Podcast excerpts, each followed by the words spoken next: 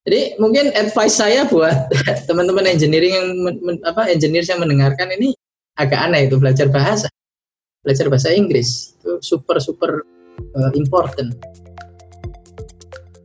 Selamat datang kembali di ceritanya Developer Podcast bersama saya Riza. Dan di podcast ini kita akan mendengarkan cerita dari developer, programmer, software engineer keren tentang masa lalu, masa kini, dan masa depan mereka. Tentang bagaimana mereka memulai karir sebagai developer. Dan kita juga akan mengorek-ngorek cerita tentang komputer pertama mereka, pengalaman ngoding pertama, pekerjaan pertama, hingga hal-hal random lainnya. Podcast ini diedit dan diproduksi oleh Deep Tech Foundation, sebuah lembaga non-profit yang mempunyai misi yaitu menyetarakan talenta digital di seluruh Indonesia. Oke, sekarang saya sudah bersama Mas Ainun Najib, Head of Analytics, Platform dan Regional Bisnisnya uh, di Grab, Singapura. Sebelum itu juga pernah menjabat sebagai Head of Datanya Traveloka dan uh, jadi apa ya inisiator dan juga uh, co-founder dari Kawal Covid, Kawal Pemilu dan kawal-kawal yang lainnya. Kita langsung sapa aja Mas Ainun Najib. Gimana Mas? Apa kabar? Ya, alhamdulillah baik, Mas Mas Diza. Oke, okay, uh, kita mulai ya uh, bisa apa cerita-cerita sedikit tentang pengalamannya Mas Ainun mulai dari awal sampai saat ini. Jadi boleh ceritakan nggak gimana pertama kali uh, berkenalan gitu ya bersentuhan dengan komputer? Ya itu saya saya sering bilang kalau saya bersyukur sekali uh, orang tua saya itu apa forward looking. Background saya ini anak deso sebetulnya. Deso um, kira-kira 40 km dari Surabaya, 30 km dari Kota Gresik gitu ya. Um, terus dari sisi keluarga ibu itu ada sebagian yang pengajar, pendidik, ibu ibu sendiri juga apa namanya guru di SD, SD di desa saya.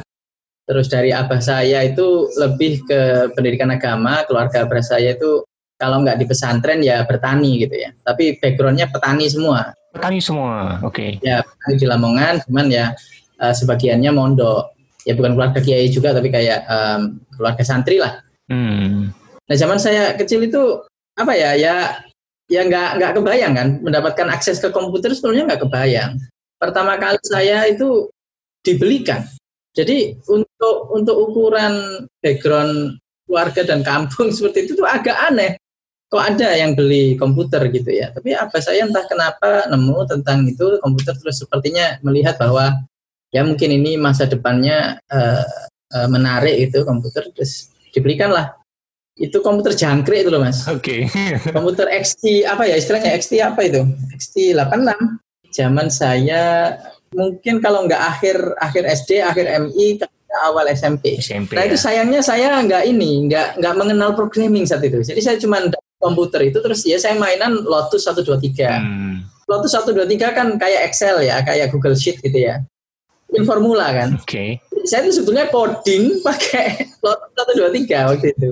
Jadi saya bikin waktu itu uh, simple simple logic lah. Uh, masukin tanggal uh, keluar harinya. Nah, itu kan pakai logic biasa if uh, if else segala macam di Lotus di spreadsheet kan bisa. Hmm. Sayangnya saya nggak kenal programming di situ. Saya sempat dengar tentang basic. Ada yang bilang-bilang tentang basic, yeah. basic tapi nggak yang bisa ngajarin. Hmm. Dan belum ada Google kan, yeah, belum yeah, ada. Yeah. Juga nggak tahu mesti nyari ke mana? Kalau awal banget belajar komputernya kapan tuh mas? Tadi kan SMP uh, dapat komputer terus apa mainin uh, spreadsheet gitu. Sebelumnya tuh nggak ada, ya itu pertama kalinya. Pertama kali saya hmm. komputer ya ya itu. Uh, okay. Sebelumnya lagi mungkin video game kali ya, zaman itu kan video game oh. rame ya Mario itu apa hmm.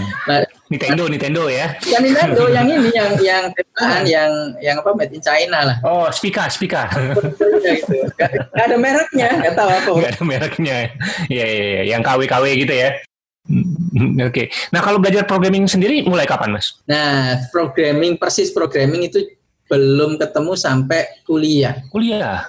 Nah, bisa mungkin bisa cerita juga nih, kuliahnya kan dari SMA 5 Surabaya kan. Terus tiba-tiba kok bisa masuk ke Nanyang Technology University? Ya, saya ceritanya uh, suka matematika. Jadi hmm. waktu di, uh, suka matematika, fisika, segala macam lah, suka ikut lomba-lomba gitu sejak ya sejak sejak madrasah sebetulnya. Madrasah SMP mulai juara-juara terus uh, eh, SMA di SMA 5 Surabaya akhirnya membawa saya ke tim Olimpiade Matematika Indonesia tahun 2002 mewakili Indonesia gitu.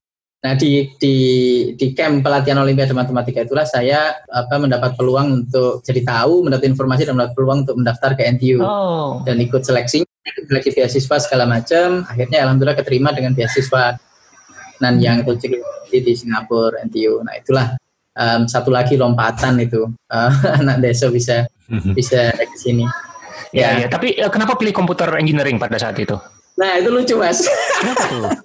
Serius jadi saya itu believe it or not, saya masuk ke computer engineering karena saya nggak tahu bahasa Inggrisnya teknik mesin.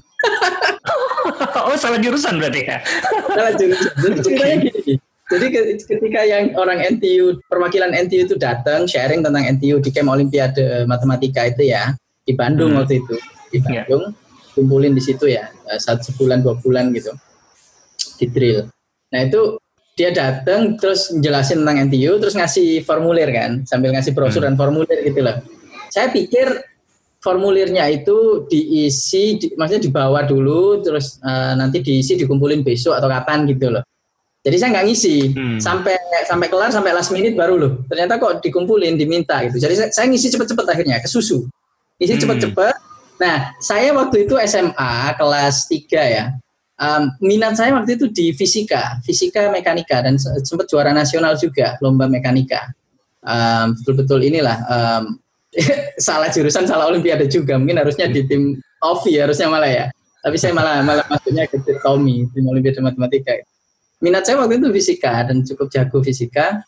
Um, jadi saya pengen teknik mesin. Saya terkesan dengan teknik mesin ITS waktu itu karena saya lomba mekanikanya di, di ITS dan SMA 5 Surabaya juga kan. Terus kalau nggak salah ITS juga teknik mesinnya termasuk yang terbaik lah di, yeah. di Indonesia. Mm-hmm. Jadi di formulir itu saya nyari-nyari mesin engineering mana ya? Ini mesti gitu. Jadi saya mikirnya mesin engineering gitu kan. Okay. Nggak ada. Nggak hmm. ada. Nggak ada. Ya wes aku yang kenal apa gitu aja saya pilih lah computer engineering. Karena ada engineeringnya kali ya. Karena ada computer engineering, setidaknya saya lebih ngerti ketimbang hmm. yang lain. Okay. Electrical engineering saya nggak nggak tahu apa kayak kayak gitu. Oke. Okay. Dan ternyata ternyata uh, teknik mesin itu ada di NTU namanya Mechanical and Production Engineering. Oh. Nah, aneh gitu kan. Maksudnya Mechanical and Production Engineering kan nggak nggak klik gitu. Iya, iya. Ah ini gitu. Hmm. Kirain teknik industri atau ya jadi bayangan saya ke ini kan ke ke manufaktur gitu loh. Jadi kayak kayaknya kok bukan ya, bukan ini. Oke, okay. Mas Ainun boleh diceritain nggak gimana pengalamannya kuliah? Apalagi kan uh, tadinya ekspektasinya adalah teknik mesin ya terus habis itu tiba-tiba ngambil jadi jurusan uh, komputer engineering. Mungkin boleh di-share uh, apa pengalaman kuliahnya dan kuliah di luar juga gimana? Ya. Ya alhamdulillah jadi ternyata ke jalan yang benar ya. Jadi dituntun sama yang di atas untuk ke arah komputer yang ternyata menjadi uh, bidang yang sangat sangat hot lah zaman sekarang era sekarang ini. Nah um, di Singapura kuliah di Singapura apa ya? Saya saya sih mengingatnya um, it was fun. Dalam artian apa challenging ya, sulit iya, secara standar dan apa kualitas um, materi dan sebagainya itu memang sulit gitu, menantang gitu. Tapi alhamdulillah um, berhasil melewatinya dengan baik, termasuk top 5% student um, berturut-turut setiap tahunnya gitu. Um, ya seperti itulah. Um, kalau habis exam itu saya itu terkenal kayak kalau habis exam kayak waduh susah banget tadi examnya saya kayaknya kayaknya dapat jelek nih gitu. Tapi keluarnya A gitu. Teman-teman itu emosi gara-gara itu. Tapi waktu itu genuine. Memang memang ketika saya ngerasa soalnya susah um, saya jadi jadi agak nggak nggak yakin gitu. Um, ternyata hasilnya tetap A A plus dan sebagainya. So mungkin ini karakter impostor syndrome ya. Karakter impostor syndrome saya um, selepas terlepas dari itu ini sih pengalaman kuliah yang lain ya uh, malah iseng ngerjain hal-hal yang lain. Kayak misalnya yang sifatnya sosial. Uh, terus bikin-bikin. Kalau kalau sekarang mungkin kenalnya kawal-kawalan ya. Tapi sejak sejak kuliah saya juga bikin beberapa inisiatif online. Waktu itu um, sebelum ada kita bisa gitu saya sempat bikin portal untuk untuk donasi online. Waktu itu um, keperluan untuk gempa Jogja Gempa Jogja tahun 2000 berapa? 2005 ya. 2005. Nah itu lumayan waktu itu uh, berhasil mengumpulkan 90 juta 90 juta rupiah.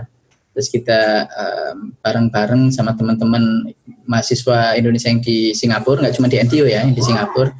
Terus kita um, salurkanlah itu ke ke Jogja. Beneran beneran terbang ke sana, terus menyalurkan ke sana. Oh, Oke, okay. menarik sekali ya. Nah, kalau ngomongin bahasa pemrograman sendiri kan begitu lulus uh, eh, SMA itu belum ada pengalaman coding yang gimana-gimana akhirnya begitu masuk NTU hmm. itu kaget nggak sih atau gimana sih cara belajarnya waktu itu boleh di share gak? Ya langsung ini ya langsung ngikutin kurikulum dan waktu itu yang dipakai paling pertama itu C coding di C terus habis C terus uh, Java.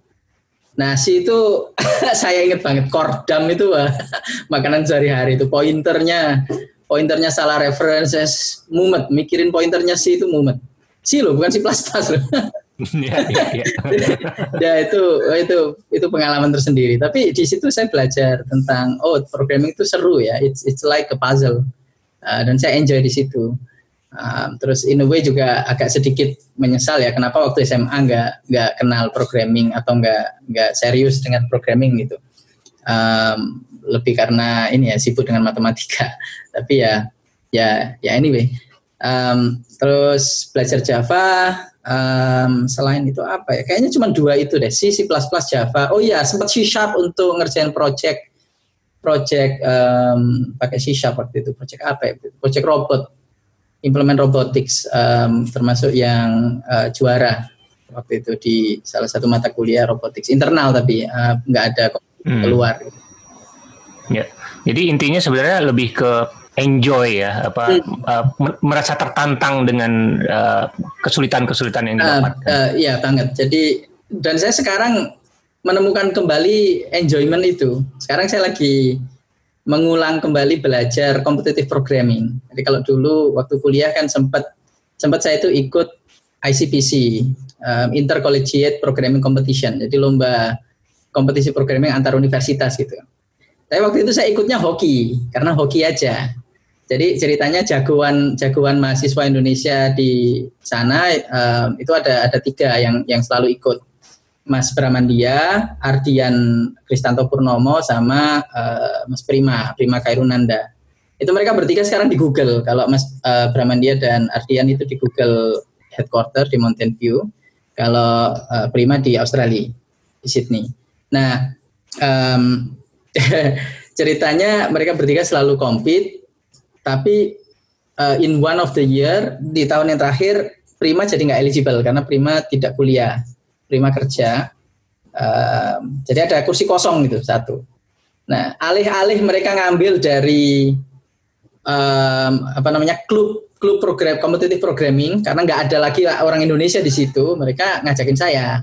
Jadi saya yang menggantikan Prima. Alasannya karena um, walaupun saya nggak nggak ngerti kompetitif programming, tapi dengan background matematika itu bisa membantu melihat beberapa soal-soal programmingnya dari perspektif matematika gitu. Dan yang mana memang benar, kadang-kadang soal programming itu kalau dikerjakan pakai programming um, mungkin agak ribet karena harus simulasi brute force atau semacamnya gitu ya. Tapi kalau dilihat dari perspektif matematika, pakai discrete mathematics, pakai combinatorics dan sebagainya itu tiba-tiba bisa keluar rumus gitu. Jadi kerjaan saya gitu, kalau ada soal yang bisa dibikin rumusnya aja tanpa perlu simulasi, tanpa perlu run apa um, optimisasi segala macam, bisa langsung ketemu magic rumusnya itu yaitu kerjaan saya. Kadang-kadang ada soal yang seperti itu. Nah, jadilah beruntung saya ikut uh, lomba programming uh, waktu di kuliah itu sampai world final. Jadi kita menang di Asia Regional di Iran, terus karena menang di regional Iran, terus jadi ikut world final di Jepang. Itu alhamdulillah itu bersyukur sekali juga saya. Itu hoki, hoki banget lah. Padahal saya nggak ikut nggak ikut coding gitu. Saya cuma melihat kalau soalnya bisa dipecahkan melalui perspektif matematika. Nah sekarang saya saya ini saya mulai belajar sendiri. Saya belajar sendiri kalau kalau beneran saya yang coding sendiri uh, programming itu seperti apa gitu. It's it's very very interesting. Saya pakai bukunya Stephen Halim. Stephen Halim um, orang Indonesia juga dosen di NUS ini National University of Singapore. Dia pimpinan atau pembimbing pembina tim Olimpiade komputernya Singapura uh, dan prestasinya memang uh, lebih baik dari tim Olimpiade komputernya Indonesia sih secara ya secara realitanya begitu. Nah, um, nah ini apa Stephen sama Felix Salim sama Pak Suhendri itu bikin buku judulnya Competitive Programming.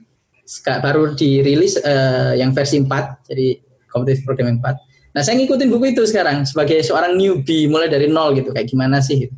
Ya alhamdulillah karena enjoy ya. Jadi ya seneng aja uh, melakukan uh, apa coding lagi dan ya sepertinya nurun juga ke anak-anak jadi pengen pengen nyoba-nyoba juga mereka enjoy. Kita lanjut uh, apa uh, cerita-cerita kita ke pekerjaan. Jadi setelah lulus dari NTU, uh, terus uh, bekerja di mana, Mas? Lulus kuliah saya kerja di IBM. Jadi waktu itu saya lulus itu 2007. Itu belum belum muncul, belum booming startup seperti beberapa tahun kemudian. Uh, apalagi di region ini ya, di Singapura ini. Um, jadi uh, lulusan computer engineering atau computer science waktu itu ya ya biasanya kalau nggak ke banking um, implement sistem di banking enterprise ya kayak J2EE Java Java Enterprise um, atau semacamnya. Kalau nggak ke banking ke uh, software house. Software house itu pun juga terbatas atau ke consulting company. Nah saya waktu itu join ke consulting company yaitu IBM um, di divisi consultingnya bukan di divisi engineeringnya software engineeringnya nah itu so um, programming iya tapi programming ABAP tahu tahu programming language ABAP nggak mas tahu tahu tahu tahu ya ini yang dengar mungkin yang dengar mungkin ada yang baru dengar Nah itu ajaib gitu. Wah, ABAP itu menarik, very interesting. It's a it used to be a very expensive programming language. Jadi waktu yes. zaman saya kayaknya tahun-tahun itu itu tahun puncak-puncaknya itu. Yang yang yang jago ABAP, SAP ABAP itu mahal sekali. Mahal sekali bayarannya itu bisa apa namanya uh, waktu itu ya. Um, apa um, bahkan di atas 10 ribu dolar gitu uh, per bulan gitu. waktu itu ya. Nah, tapi saya pribadi waktu itu karena baru mulai jadi ya murah meriah lah. Uh, gaji pertama saya waktu itu 3000 3000 dolar per bulan. Itu cukup standar untuk ukuran ukuran Singapura. Nah, sekarang kalau di kalau di Singapura sekarang fresh graduate dengan ekosistem uh, ekosistem tech companies atau startup yang sudah sangat bagus begini um, uh, lulusan lulusan computer science computer engineering itu bisa sekitar 5.000 6.000 gaji uh, pertamanya. Ya mungkin sekitar 4.000 sampai 5.000 lah standarnya. Uh, ya jadi sudah sangat sudah sangat membaik sekali. Lumayan lama ya, so, juga ya di IBM ya sampai tujuh uh, tahunan ya Betul, saya di, di IBM nyangkut cukup lama sampai tujuh tahunan. Itu ya long story lah, tapi um, tapi sepertinya ada hikmahnya juga saya nyangkut saya nyangkut di uh, eh, IBM dan nggak lompat-lompat. Karena um, ada titik krusial 2014 itu yang yang kalau saya uh, in hindsight gitu ya, kalau seandainya saya waktu itu tidak kerja di IBM, kalau saya kerjanya di tempat lain, mungkin tidak akan terjadi kawal pemilu ya ada ada faktor-faktor menarik lah yang kalau saya saya runut kembali ke belakang itu iya ya benar. Itu it was meant to happen gitu. Dan akhirnya terjadilah kalau pemilu um, yang mana saya bikin bareng sama dua orang Indonesia yang lain si Felix Salim sama Andrian Kurniadi. Um, Andrian Kurniadi sekarang di Jakarta dia di tiket.com ya VP jadi kalau Felix masih di uh, Google Google di US Nah itu saya kenalnya mereka berdua itu di ini final finalnya ICPC yang di Jepang itu, yang world final yang saya cuma nebeng itu, yeah, yeah, yeah. cuma nebeng ikutan final itu. Hmm. Nah jadi kayak it, it was meant to happen lah. Makanya saya nyebutnya skenario ilahi dan kawal pemilu munculnya kawal pemilu itu juga menjadi um, milestone batu loncatan juga buat saya karena um, akhirnya saya jadi terekspos dan berkenalan juga dengan dunia dunia tech startup yang sedang booming waktu itu dan kemudian um, saya join ke Traveloka. Setelah itu saya, saya join Traveloka dan um, kebetulan waktu itu sedang mencari opportunity untuk di daerah data di analytics data science. Jadi saya join Traveloka sebagai data scientist dan kemudian um, ya the rest is history. Sekarang saya di, di bidang data um, pindah ke Grab dua dua setengah tahun lalu pindah ke Grab dan um, tetap di bidang data science sampai sekarang. Nah, dari dari IBM sendiri kan konsultan uh, ABAP, uh, SAP dan lain-lain yang enterprise gitu kan. Terus habis itu loncat ke startup lah ya Traveloka dan role-nya juga ganti kan. Uh, shifting sedikit kan. Nah itu gimana sih transisinya mas? Boleh di share mungkin? Iya itu bukan shifting sedikit mas, itu riset. Banyak ya? Riset. mulai, saya mulai dari nol lah gampangannya itu. Saya mulai dari nol. Hmm. Um, dan itu sebuah resiko yang waktu itu saya ambil. Ya alhamdulillah ya, itu sebuah keputusan yang tepat. Kalau apalagi kalau dilihat ke belakang sekarang itu, it was very very, it was the best decision indeed um, untuk masuk ke dunia startup yang kemudian booming dan dan ya uh, jadi sangat apa namanya uh, hot lah sekarang apalagi di bidang data science gitu ya waktu itu kan masih awal-awal masih belum belum belum banyak di, di, di sini sekarang uh, sudah menjadi hot sekali juga itu tapi itu resikonya besar sekali waktu itu mas. Karena harus ya itu ngulang dari nol lagi kan. Apa apa apa yang sudah saya pelajari di IBM dunia enterprise dunia apa namanya consulting itu sedikit-sedikit kepake lah. Lebih di sisi soft skillnya ya. Soft skillnya kepake. Tapi kalau dari uh, sisi hard skill atau technical skill nggak ada yang kepake sama sekali. Uh, harus belajar mulai dari nol. Nah transisinya itu saya ingat betul itu. Saya di masa notice period kan standar ya kalau pindah kerja kan ada notice period dua bulan lah umumnya satu atau dua bulan Nah itu di masa notice period itu saya belajar online tuh kayak kayak orang gila. Jadi saya um, in paralel ngerjain berapa itu tiga sampai enam online courses gitu. In paralel saya kebut dan sekarang udah banyak sekali ya platformnya. Uh, Anda bisa pakai Udacity, Udemy, Coursera, EDX, um, Linda, udah banyak sekali kan sekarang.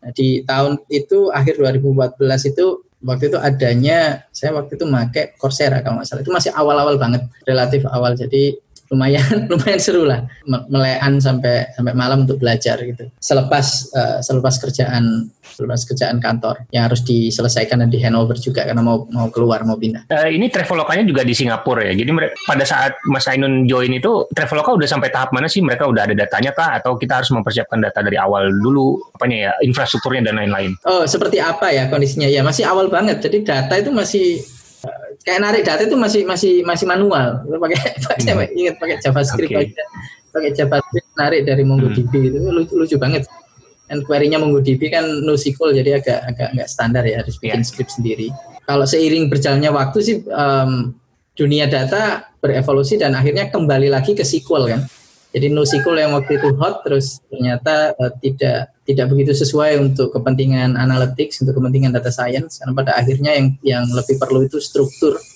Yang lebih perlu itu struktur. Jadi um, data science dan analytics kembali lagi ke ke SQL. Um, SQL. So ya ya itu membangun membangun kematangan infrastruktur data itu juga pengalaman saya yang menarik selama di Traveloka selama tiga tahun saya di hmm. Traveloka itu dua tahun yang pertama kan uh, merapikan itu semua ya terus membangun data timnya juga membangun um, lima kalau saya waktu itu bagi data timnya jadi lima. Data engineering data analytics um, data warehousing data governance dan data warehousing. Uh, terus data science terus yang terakhir machine learning engineering. Lima lima role yang berbeda itu saya saya mendefinisikannya begitu. Nah, kalau role data science-nya sendiri itu job desk-nya apa mas? Nah definisi yang saya pakai itu Gini Mas, kalau Anda menggunakan advanced analytics atau statistical modeling untuk memecahkan masalah yang atau pertanyaan business insights yang tidak untuk dideploy ke produk. Panjang ya, tapi uh, diringkas dengan ciami oleh oleh apa seorang senior saya itu it's data science for human gitu. Jadi yang saya sebut data science itu adalah data science for human, human decision makers. Sementara uh, eh, AI atau machine learning engineering itu data science for machine. Oh, oke. Okay. Gitu. Jadi sampai sekarang saya saya juga pakai perspektif itu, data science for humans versus data science for machine. Hmm, jadi untuk mendukung uh, apa ya, decision-decision yang diambil dari sisi bisnis gitu ya kira. Ya, untuk human. Untuk kan. human. Bukan yang kayak bikin recommendation system yang ada di fiturnya si Traveloka gitu ya. Nah, nah, kalau yang bikin recommendation system atau yang bikin NLP improvement uh, tapi bagian dari produk, bagian dari product flow uh, masuk ke production system itu machine learning engineering kita nyebutnya. Jadi masuknya machine learning team. Nah, setelah dari Traveloka kurang lebih tiga tahunan ya Mas. Terus sekarang uh, Mas Ainun pindah ke Grab. Nah, itu bisa diceritakan nggak proses pindahnya dan sekarang sedang ngerjain apa? Intinya ya um, sekali lagi saya saya termasuk orang yang ya alhamdulillah selalu meyakini bahwa jalan hidup kita itu diatur sama yang di atas ya. Uh, jadi pindahnya saya dari Traveloka ke Grab itu juga sangat-sangat diatur dari yang di atas. It's like every single step that happen itu maksudnya pasti ada divine intervention lah. I, that, that's my conclusion. Itu nggak nggak cuma sekedar uh, saya aja tanpa tanpa membuka hal-hal yang tidak untuk konsumsi publik. Mungkin ringkasnya um, summary-nya adalah persis seperti prinsip tasawuf yaitu um, janganlah kamu berpindah dari tempatmu yang ada sekarang kecuali memang kamu dipindahkan. Oke. Okay. Sama yang di atas maksudnya. Itu prinsip itu yang generik kalau dalam tasawuf di di Al Hikam itu um, uh, oleh oleh apa Ibnu Athaillah Sekandari itu um, ada yang kurang lebih seperti itu. Uh, Oke, okay. kalau gitu kita bicarakan uh, di Grab sekarang itu Mas Ainun apa ya ngerjain apa sih gitu? Kalau di Grab saya fokusnya ini enabling analytics platform dan data products karena karena ceritanya in, in one sentence waktu itu tugas saya dan yang membuat saya mau menerima role atau tertarik dengan role di Grab itu to consolidate Grab's data gitu, merapikan lah ya, in a way merapikan gitu. Nah saya agak heran waktu itu, oh kok seperti itu ya deskripsinya ya atau uh, penjelasannya itu. Nah setelah join gitu saya baru ngeh gitu. dan ini dua setengah tahun yang lalu. Sekarang udah udah sangat berbeda ya. Sekarang udah sangat berbeda. Akhirnya saya mendefinisikan my the problem statement atau what I'm I, what I want to contribute gitu apa yang ingin saya kontribusikan ke Grab itu making data much easily accessible for for everyone. Untuk yang non technically savvy untuk yang non data engineer non analyst non data scientist juga gitu ya dan untuk untuk data analis dan data scientist itu gimana make it make it also easier for their life gitu. High levelnya begitu ya mas. Nah, detailnya ya detailnya sangat company spesifik ya. Jadi seperti apa datanya, datanya disimpan di mana, apa yang terjadi ketika ada update, ketika ada perubahan sistem, perubahan workflow itu teman-teman yang udah biasa di dunia startup kan ya sudah kenyang lah. Itu asam garamnya asam garamnya startup yang yang sangat dinamis ya, sangat mudah sekali berubah bukan hanya produknya, mungkin juga bisnisnya, workflow-nya, terus pivot segala macam itu. So so changes is just every day. Gitu. Perubahan itu selalu ada tiap hari dan move fast and big things itu kan memang real gitu. Jadi kayak um, messy and hackish um, technical debts itu selalu ada. Technical data debts itu juga selalu selalu ada gitu. Hutang-hutang teknis yang yang kalau nggak segera dirapiin, nggak diberesin, jadi makin tinggi bunganya gitu kan. Nah itu, so um, analytics platform lah ya. Sekarang sekarang di, disebutnya analytics platform. Kalau di awal saya join dulu disebutnya bisnis data platform itu. Tapi ringkasnya gimana bikin data platform yang make it much easier for um, data users, both the technically savvy ones, baik yang uh, jago teknis, power user maupun yang uh, less technically savvy. Selama jadi apa uh, berkarir gitu ya dan juga kuliah uh, itu pernah ada momen atau kontribusi yang paling membanggakan gak sih? Ada satu momen di mana bisa bangga lah dengan momen itu? Wah harus milih ya.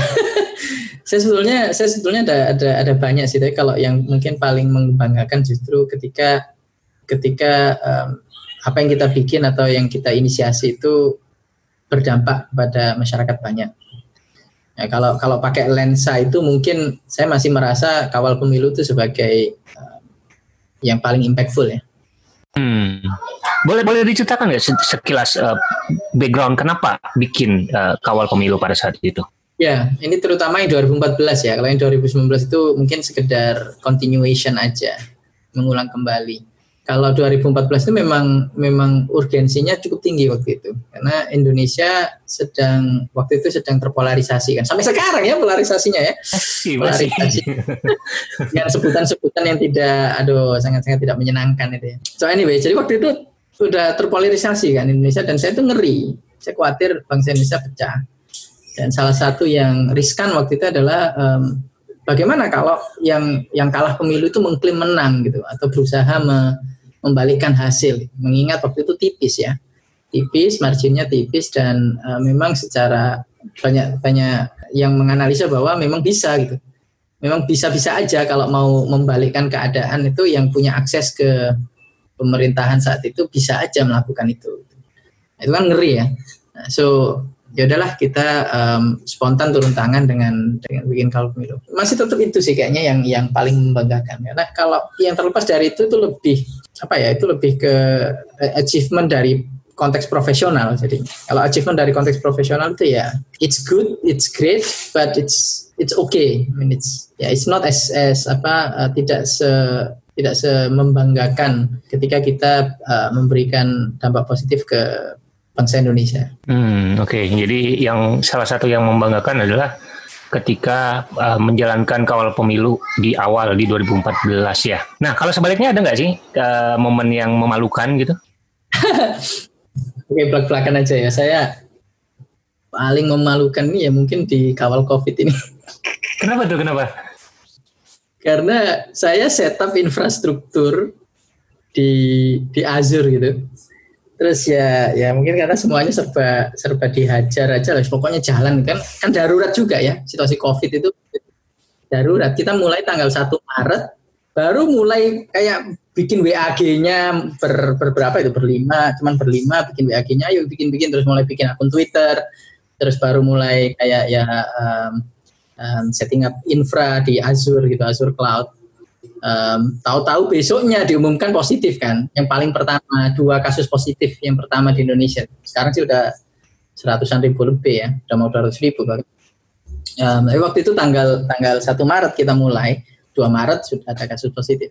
Nah kan jadi darurat ya situasinya memang darurat. Jadi um, asal as, asal aja setup. Nah saya itu nggak nggak nggak nggak hati-hati, nggak teliti. Um, ongkosnya jadinya mahal sekali. Ini saya malu banget ini. Apalagi saya malu banget sama um, dibandingkan dengan inisiatif Kalmilu gitu. Kalmilu udah dua kali 2014 2019 itu murah sekali mas. 2014 kita cuma habis 60 dolar uh, sisanya gratisan semua. 60 dolar itu pun karena domain aja, beli domain yang mahal. Sementara 2019 itu agak lumayan uh, dari sisi infra karena kita pakai image, pakai foto kan, memfoto hasil TPS gitu ya. Jadi ada ongkos storage, database sama segala apa eh, API-nya itu um, bandwidth traffic-nya jadi gedean dikit gitu kan. Itu pun 24 juta. 24 juta saja. Nah, ini yang yang setup di Azure itu padahal kawal Covid 19 ini kan harusnya simple ya. Tapi karena kesalahan saya uh, mungkin agak overkill juga uh, mendesain arsitekturnya gitu. Um, dan juga terlalu mengandalkan harapan bakal disponsorin oleh Microsoft yang ternyata Zonk. Jadi um, jebol mas, jebol mahal banget. Jebol. Ini ya alhamdulillah, alhamdulillah saya, saya lebih leg, bisa ngomong uh, apa namanya belak belakan gini karena persis hari ini juga persis tadi like dua jam yang lalu itu saya sudah dapat apa namanya um, konfirmasi bantuan bantuan donasi dari salah satu NGO untuk mengcover ongkos itu. Hmm. Memang sekali puluhan juta, kenanya puluhan juta saya. Okay. Kok bisa sampai habis segini gitu ya? Hmm. Karena ya itu um, salah. Uh, I, I will arsitektur ya. Iya, yeah, I will take it as my hmm. mistake karena saya I'm the leader kan. Hmm. Um, gimana gimana ya walaupun Zain Zain teman kita di Deep Tech juga itu yang CTO-nya ya. Jadi bilang kayak CTO kawal COVID, tapi tetap aja I take my full responsibility karena saya yang saya yang ngasih direction untuk terkait infrastruktur uh, setup itu semua saya. Uh, so it, it was my mistake itu paling memalukan. Iya, gara-gara gara-gara malu malu banget ongkosnya kawal COVID-19 ini uh, mahal itu saya agak slow down. saya agak slow down uh, uh, berapa bulan terakhir inilah. Oke. Okay. Nah, um, mungkin di awal-awal karir atau pada saat kuliah atau udah mau apa terjun ke dunia kerja gitu ya punya punya ini enggak sih apa mentor gitu semacam mentor atau ada sosok yang di uh, dijadikan mentor atau idola gitu? Sayangnya enggak ya itu dan kalau menilik ke belakang lagi mungkin itu adalah um, apa ya what could have been done better gitu. Maksudnya akan sangat lebih keren lagi, akan sangat lebih baik lagi kalau saya waktu itu kerja dari mentor. Gitu. Jadi almost saya harus figure things out myself ya. Um, kayak misalnya telat mengenali uh, ekosistem startup misalnya. Itu kan ya karena saya saya nggak saya nggak tahu, saya nggak ada exposure ke sana, nggak ada mentor yang bisa ngasih kait uh, ke sana. Gitu. Nah jadi buat teman-teman yang dengerin, saya yakin yang dengerin ini mayoritasnya lebih muda dari saya, jauh lebih muda dari saya. Saya sekarang 35 tahun. Itu penting sekali buat Anda-anda nyari mentor. Dan untuk ukuran saya, um, saya masih masih perlu masih perlu mentor. Saya masih harus nyari mentor yang um, di apa di visi akhir saya saya mau jadi apa itu saya perlu mencari mentor. Nah, kalau untuk mentoring sendiri ada nggak sih mas untuk sekarang? Uh, ada lah ada. Um, ya ada tapi nggak nggak nggak formal gitu ya. Hmm, ya nggak formal ya. Di, di kantor sendiri juga kan saya udah mulai lead tim ya. Saya saya lead tim ya sejak di Traveloka juga lead tim lumayan banyak. So in a way in a way dalam konteks people management uh, dalam dalam konteks uh, apa colleagues gitu ya yang more junior uh, colleagues kolega yang lebih junior ya mentorship ada. Oke, okay. nah ini kan uh, Mas Ainun kan uh, kerja di dua tempat tadi yang terakhir ya kerja di dua tempat yang uh, kulturnya agak beragam dalam artian uh, ada campuran Indonesia sama Singapura sama negara luar gitu kan. Kira-kira apa sih yang membedakan antara developer-developer yang dari Indonesia sama yang di luar? Gitu? Nomor satu mas, paling kelihatan banget itu komunikasi. Komunikasi ya.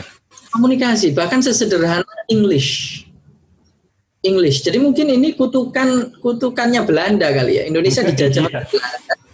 Sehingga kita tidak berbahasa Inggris. Hmm. Sementara bahasa Inggris itu menjadi bahasa bukan sekedar lingua franca, itu udah menjadi bahasa uang gitu kan. Uh, bahasa uang, bahasa bisnis, bahasa teknologi sekarang gitu ya. Kalau di abad sebelumnya mungkin sekedar bahasa bahasa bahasa bisnis, bahasa uang.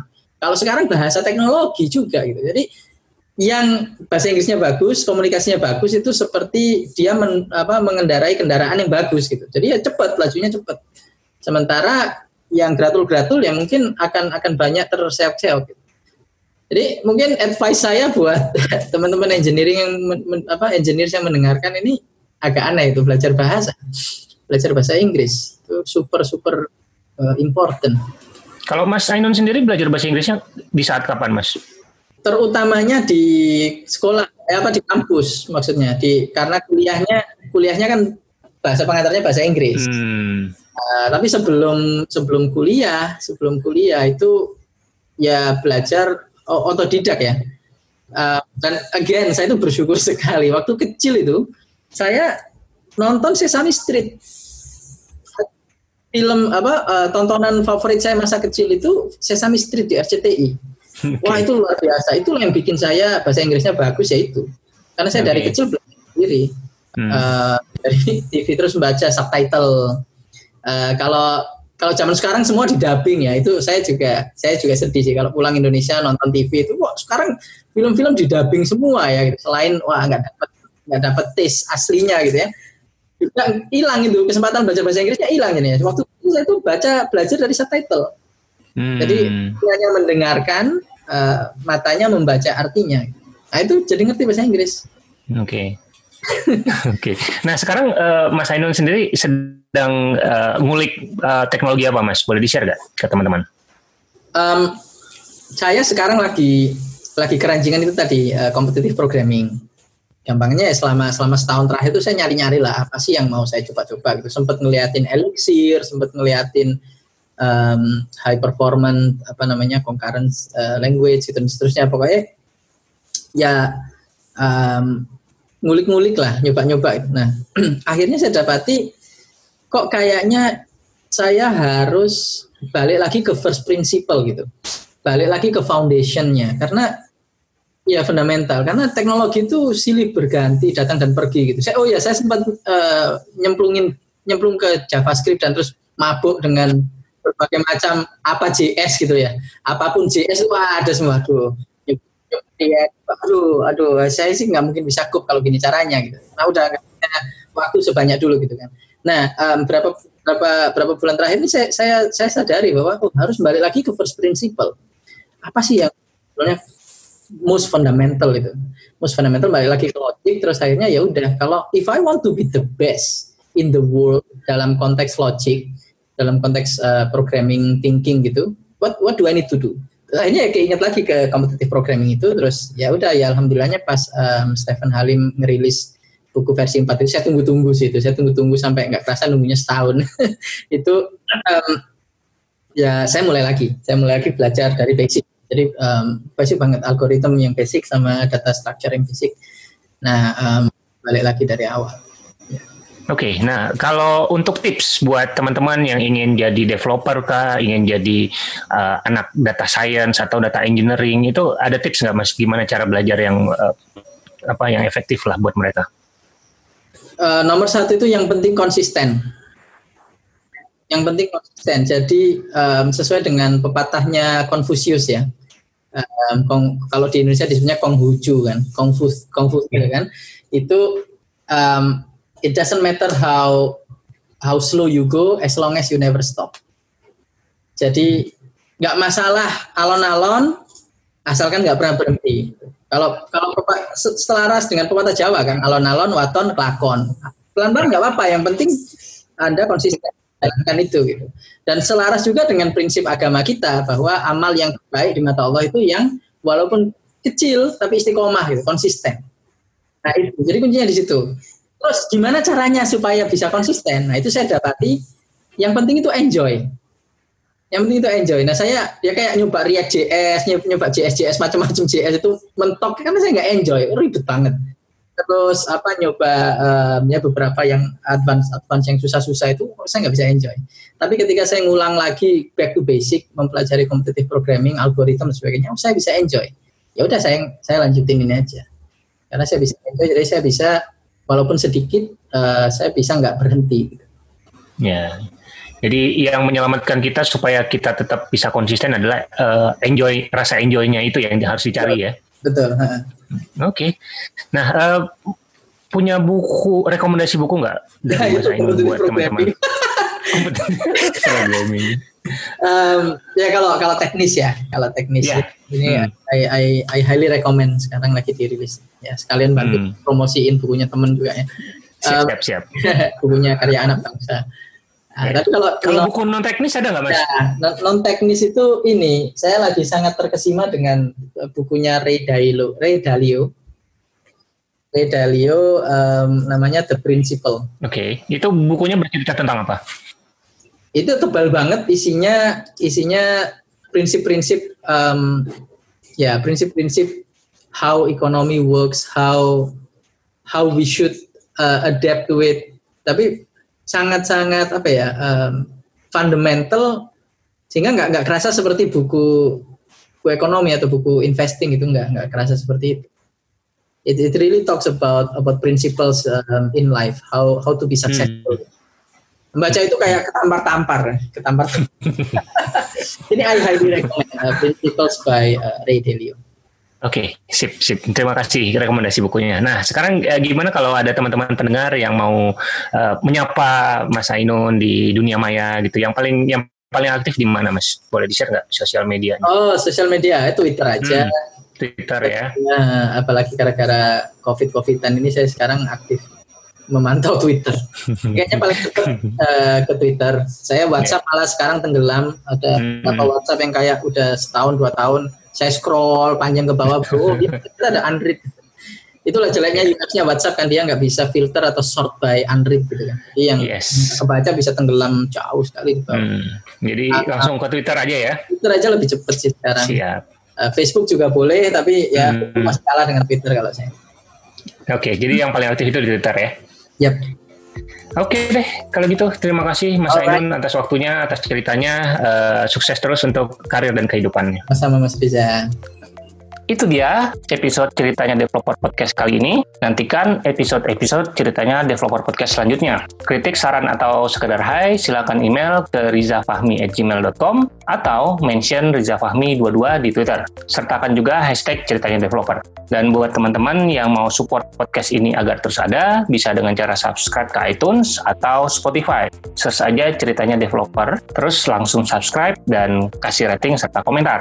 Bisa juga subscribe ke podcast klien pilihan seperti Pocket Cast, Anchor FM, Google Podcast, dan masih banyak yang lainnya. Jangan lupa tinggalkan juga komentar atau review di sana. Selain support dalam bentuk rating, saya juga mengharapkan teman-teman untuk support podcast ini dalam bentuk lain. Teman-teman bisa mendonasikan sebagian uangnya untuk keperluan podcast ini. Teman-teman bisa donasi lewat GoPay atau OVO via karyakarsa.com slash rizafahmi. Sekali lagi, karyakarsa.com slash rizafahmi. Sampai bertemu di episode berikutnya.